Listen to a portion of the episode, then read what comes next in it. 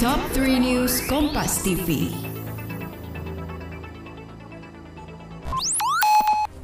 Halo sahabat Kompas TV, bertemu lagi bersama saya Dea Davina. Saatnya kita update 3 berita terpopuler yang terjadi hari ini, hari Jumat 5 November 2021 di Top 3 News Kompas TV. Saudara enam orang meninggal dunia dalam peristiwa banjir bandang yang melanda kota Batu, Jawa Timur. Saat ini petugas gabungan fokus mengirimkan bantuan untuk pencarian korban hilang dan membersihkan material sisa banjir. Hari ini ada empat korban meninggal ditemukan. Setelah sehari sebelumnya tim SAR sudah menemukan dua korban meninggal lainnya.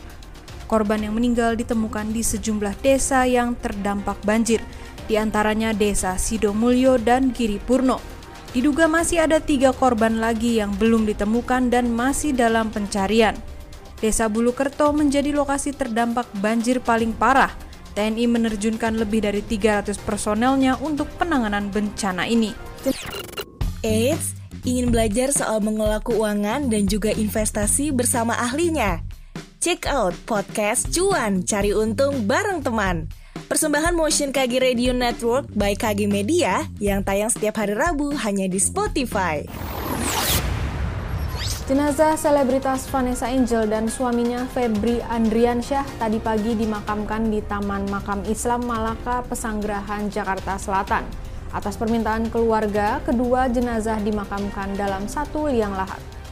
Suasana duka mengiringi saat keluarga dan kerabat mengantarkan jenazah Vanessa dan suaminya ke tempat peristirahatan terakhir di Taman Makam Islam Malaka, Pesanggerahan, Jakarta Selatan. Sementara itu, mertua Vanessa Angel meminta polisi mengusut tuntas kasus kecelakaan yang menimpa anaknya, Febri Ardiansyah dan menantunya, Vanessa Angel. Termasuk dugaan adanya kelalaian sopir yang mengantuk serta mengendarai mobil dalam kecepatan tinggi. Dalam apel terpusat yang dipimpin Kepala Staf Angkatan Darat Jenderal Andika Perkasa, Menteri Pertahanan Prabowo Subianto menegaskan, jika ujung tombak sistem pertahanan dan keamanan rakyat semesta adalah komando teritorial. Usai memberikan arahan, Prabowo juga menyerahkan 75 unit rigid inflatable boat yang merupakan produksi industri pertahanan dalam negeri kepada Kepala Staf Angkatan Darat. Sahabat Kompas TV, itu dia tadi tiga berita terpopuler yang terjadi hari ini.